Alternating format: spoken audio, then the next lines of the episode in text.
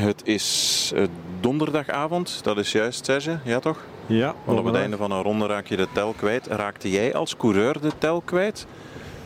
Je hebt in elk geval geen uh, benul meer van de dagen. Hè. Dat is echt wel heel typisch in zo'n grote ronde. En je rekent meer zo in weken en je, je gaat eigenlijk richting die rustdagen toeleven of richting het einde. Maar of het nu woensdag is of donderdag of vrijdag, ik vind het nu ook al moeilijk hoor. Uh, ja, dus, uh, we komen uit de bergen, de Alpen en plots is het dan een, een relatief vlakke etappe. Um, hoe, hoe, gaat dat mentaal met dit peloton? Ben je dan al aan het weekend aan het denken, aan Parijs? En dan moet je er eigenlijk nog drie, waarvan één heel zwaar in de Vogezen, één morgen vrijdag echt alweer voor barodeurs en eentje dan ja, minder zwaar, maar nog drie keer aan de bak. Hoe, hoe beleef je dat als coureur in een peloton in de Tour?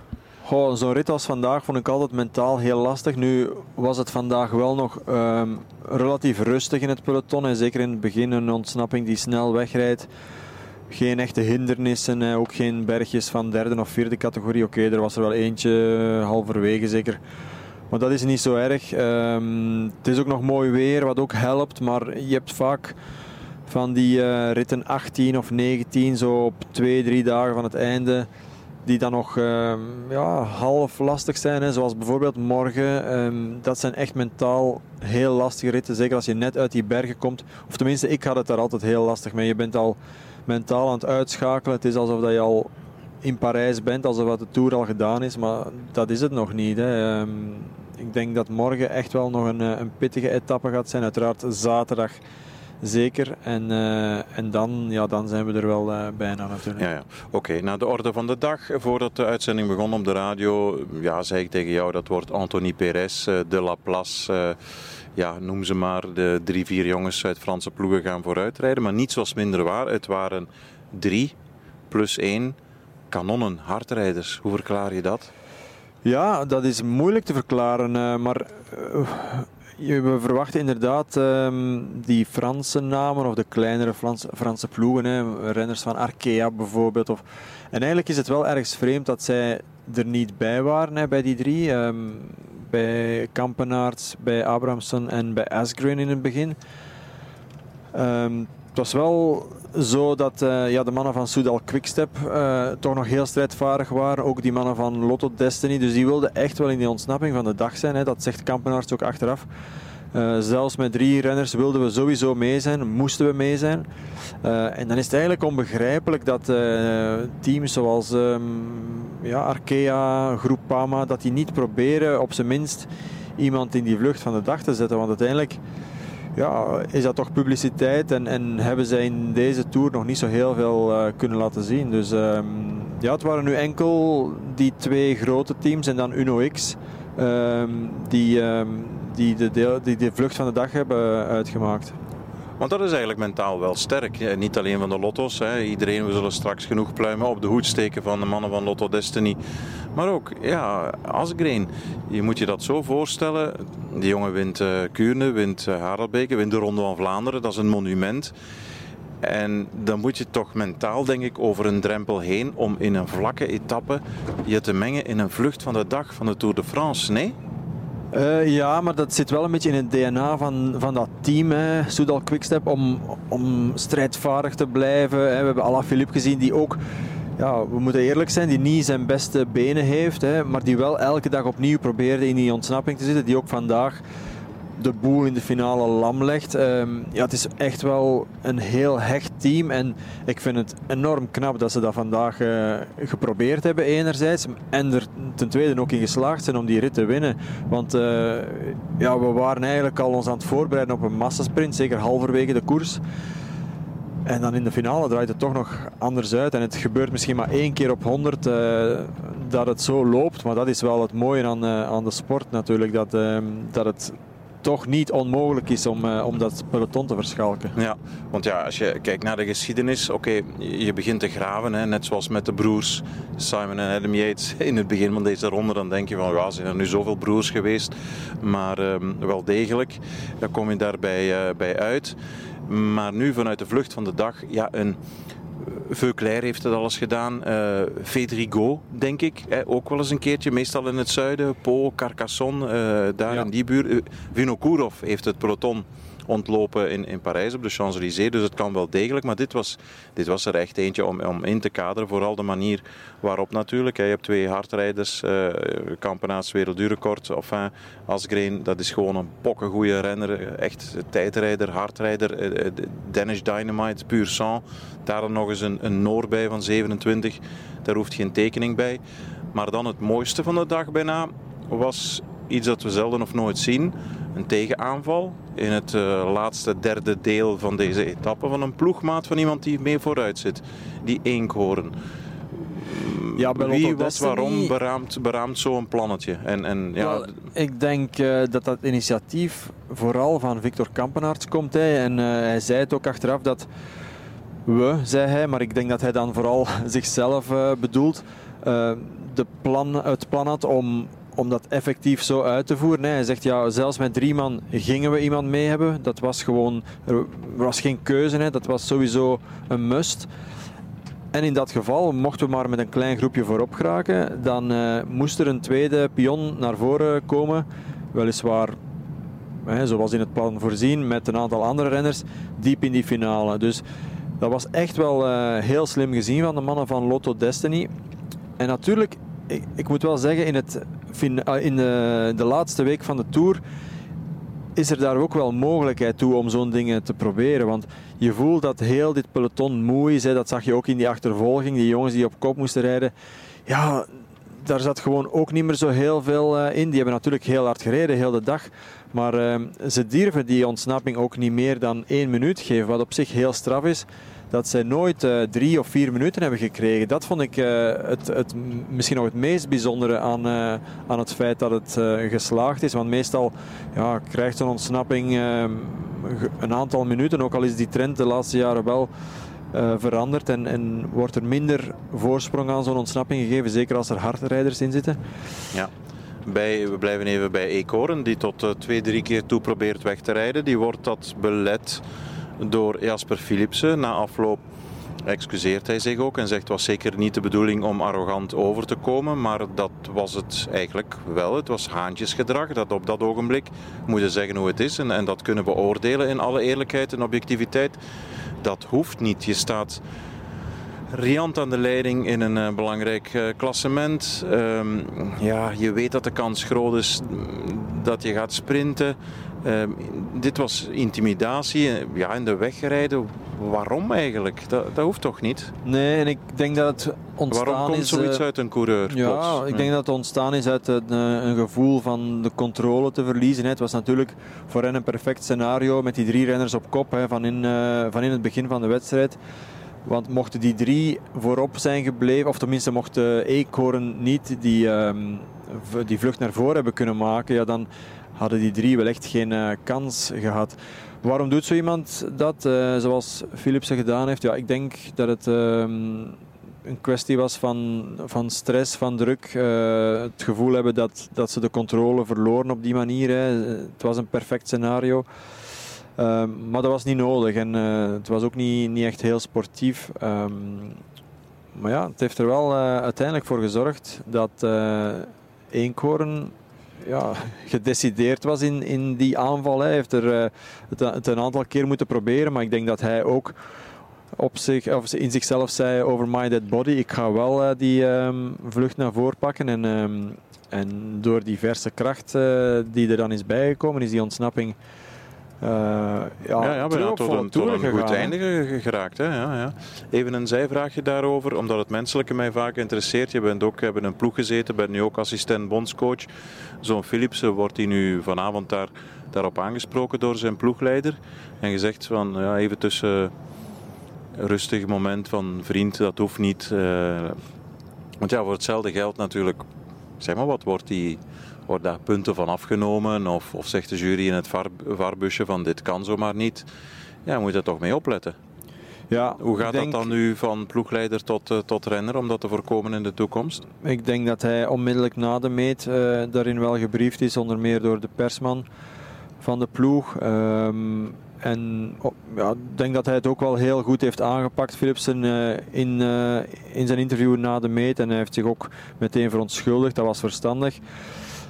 En ja, zo is, zo is dat akkefietje een beetje een, stille dood kunnen sterven, dat is goed. Um, maar ja, dat, dat zijn toch dingen die moeten vermeden worden. Ik denk wel dat de ploegleiding uh, hem daar kort over zal aanspreken. Hij weet natuurlijk uh, zelf ook wel dat hij, dat hij dat niet had hoeven te doen. En, en het was misschien ook niet zijn intentie om echt uh, iets te veroorzaken. Maar ja, je wordt, je wordt natuurlijk in de Tour met, met heel veel media geconfronteerd en alles wordt uitvergroot. En dan moet je echt wel opletten als je zo'n zo'n dingen doet. Ja, um, Kampenaerts, even eruit pikken voordat we naar de sprint gaan uh, van Asgreen. Ja, hoe dat die jongen vandaag gereden heeft. Oké, we hebben gezien dat hij... Ik heb gisteren hem zien binnenkomen in de, in, in de groepetto in een goed groepje. En natuurlijk de beelden van de tijdrit die spraken voor zich. Hè, want hij is ook laatste geëindigd, voorlaatste.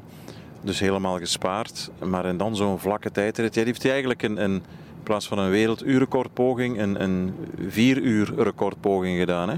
Indrukwekkend als je zo hard kunt rijden met de fiets. Uh, het was echt indrukwekkend. Hij heeft zich uh, letterlijk en figuurlijk dubbel geplooid hè, voor, uh, voor die vlucht.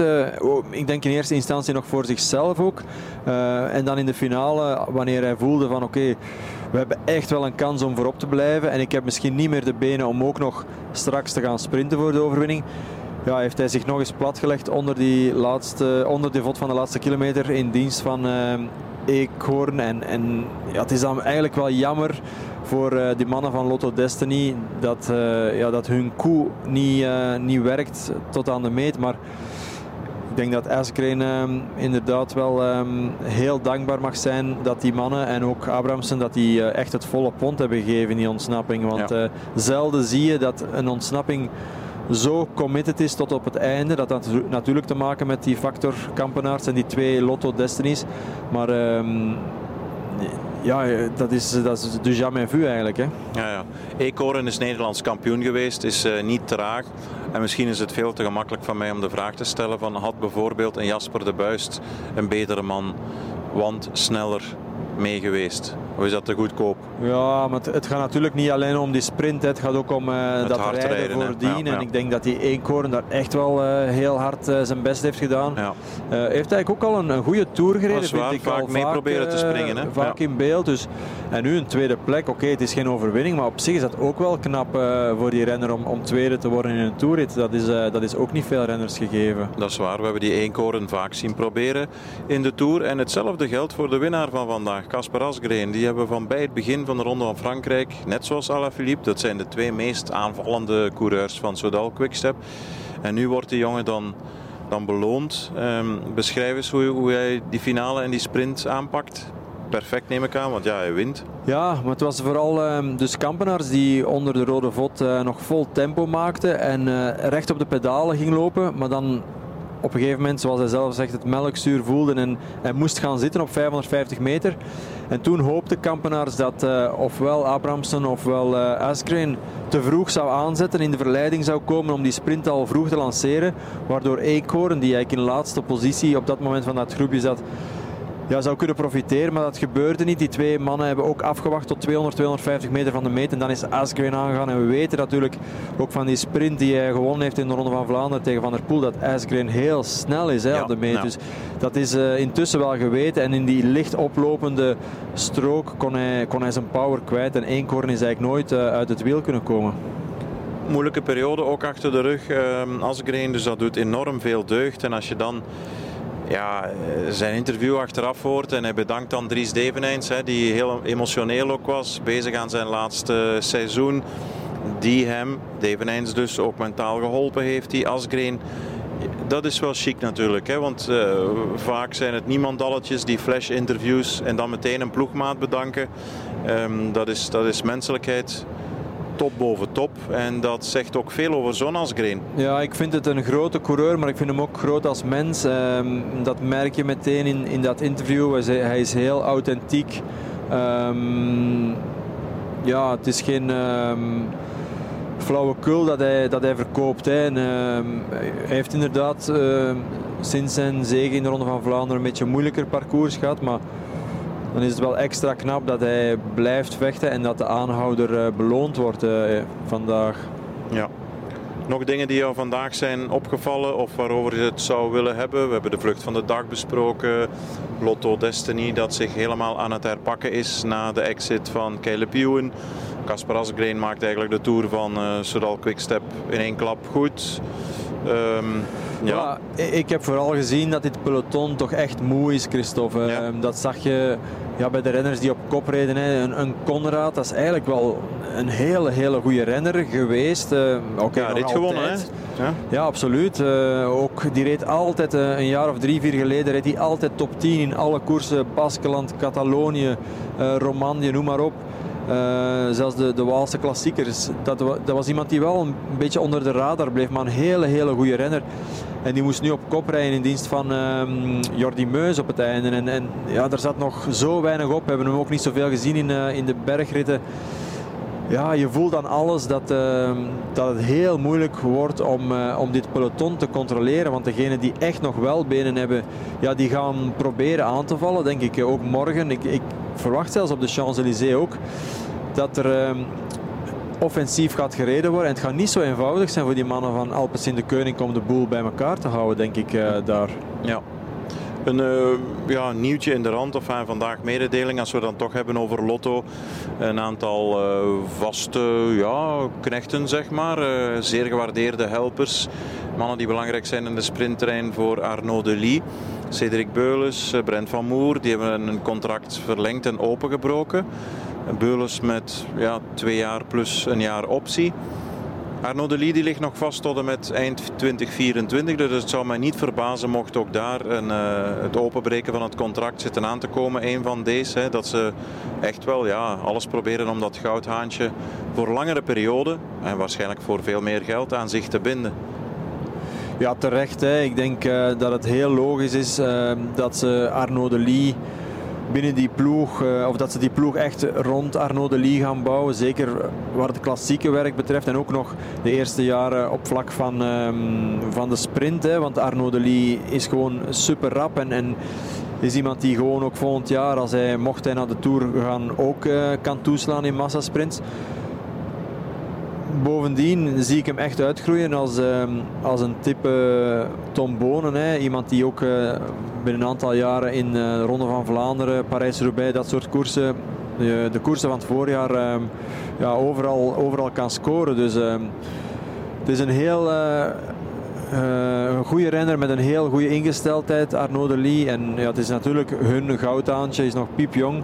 En het zou wel heel mooi zijn, Christophe, als we volgend jaar wie weet volgend jaar al Arnaud de Lee in de Tour zien. Ja. Met Remco Evenepoel, met Wout van Aert, met Jasper Philips. En dan uh, gaan er alleen maar Belgische overwinningen eh, vallen, denk ik. Ja. En over twee jaar Kian Uitenbroeks. Ja, waarom niet? Absoluut. Dit jaar de Vuelta, volgend jaar uh, misschien al de Tour. Enfin, we zijn weer de verwachtingen absoluut niet te hoog aan het leggen. Jij ooit als coureur in de buurt hier van Bourg-en-Bresse Bressenkip mogen eten als avondmaal? Of?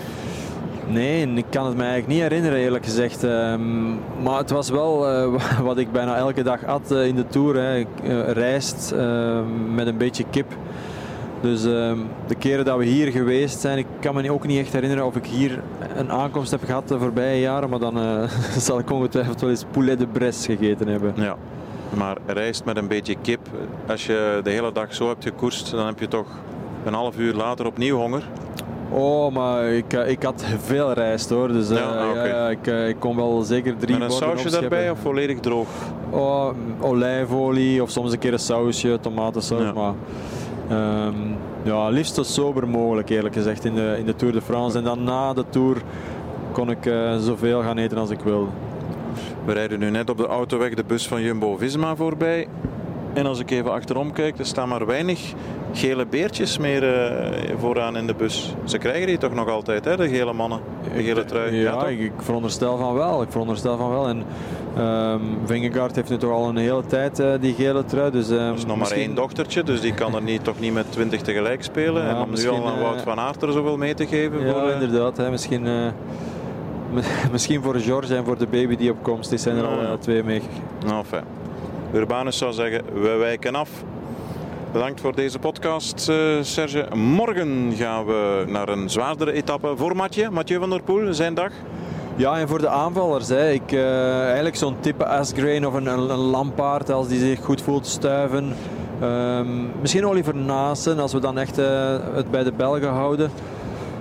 Ja, Søren Kragh Andersen. Ik denk sowieso dat de mannen van, um, van Alpes in de Koning niet, niet verdedigend gaan rijden voor een massasprint. Echt meer aanvallend met uh, Mathieu van der Poel onder meer. Dat is wel denk ik een van de favorieten voor de rit ja. morgen. Dankjewel. Tot morgen. Tot morgen.